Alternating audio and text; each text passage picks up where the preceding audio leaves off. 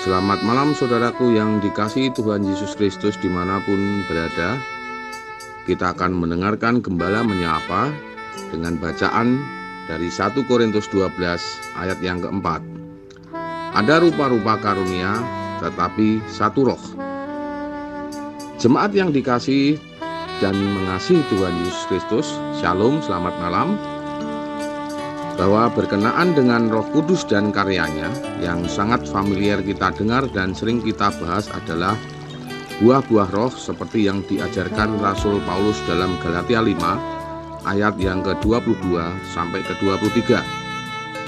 Di dalam ayat tersebut ada sembilan buah roh yang mestinya dimiliki oleh setiap orang percaya yang telah menerima roh kudus dalam diri dan kehidupannya.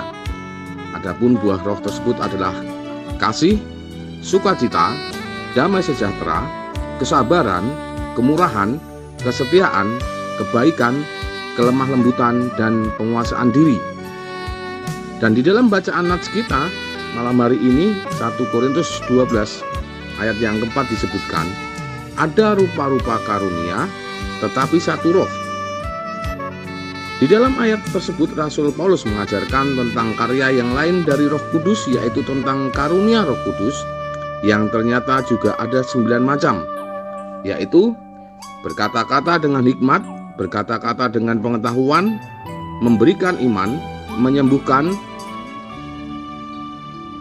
mengadakan mujizat, bernubuat, membedakan bermacam-macam roh, berkata-kata dengan bahasa roh, dan menafsirkan bahasa roh.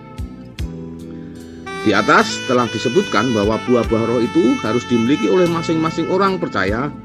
Namun Rasul Paulus menegaskan bahwa tiap-tiap karunia Roh Kudus itu hanya diberikan kepada orang-orang tertentu yang Tuhan kehendaki. Karena itu, karunia roh untuk orang yang satu dapat berbeda dengan karunia roh untuk orang yang lain. Dan ditandaskan oleh Rasul Paulus bahwa macam-macam karunia roh itu untuk kepentingan bersama. Dalam 1 Korintus 12 ayat yang ketujuh tertulis, Tetapi kepada tiap-tiap orang dikaruniakan pernyataan roh untuk kepentingan bersama.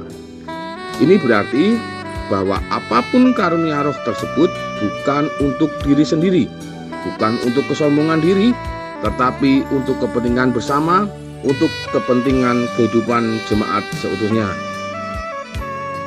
Dan karunia-karunia roh kudus tersebut akan kita renungkan dalam kehidupan kita dan di dalam gembala menyapa pada hari-hari selanjutnya.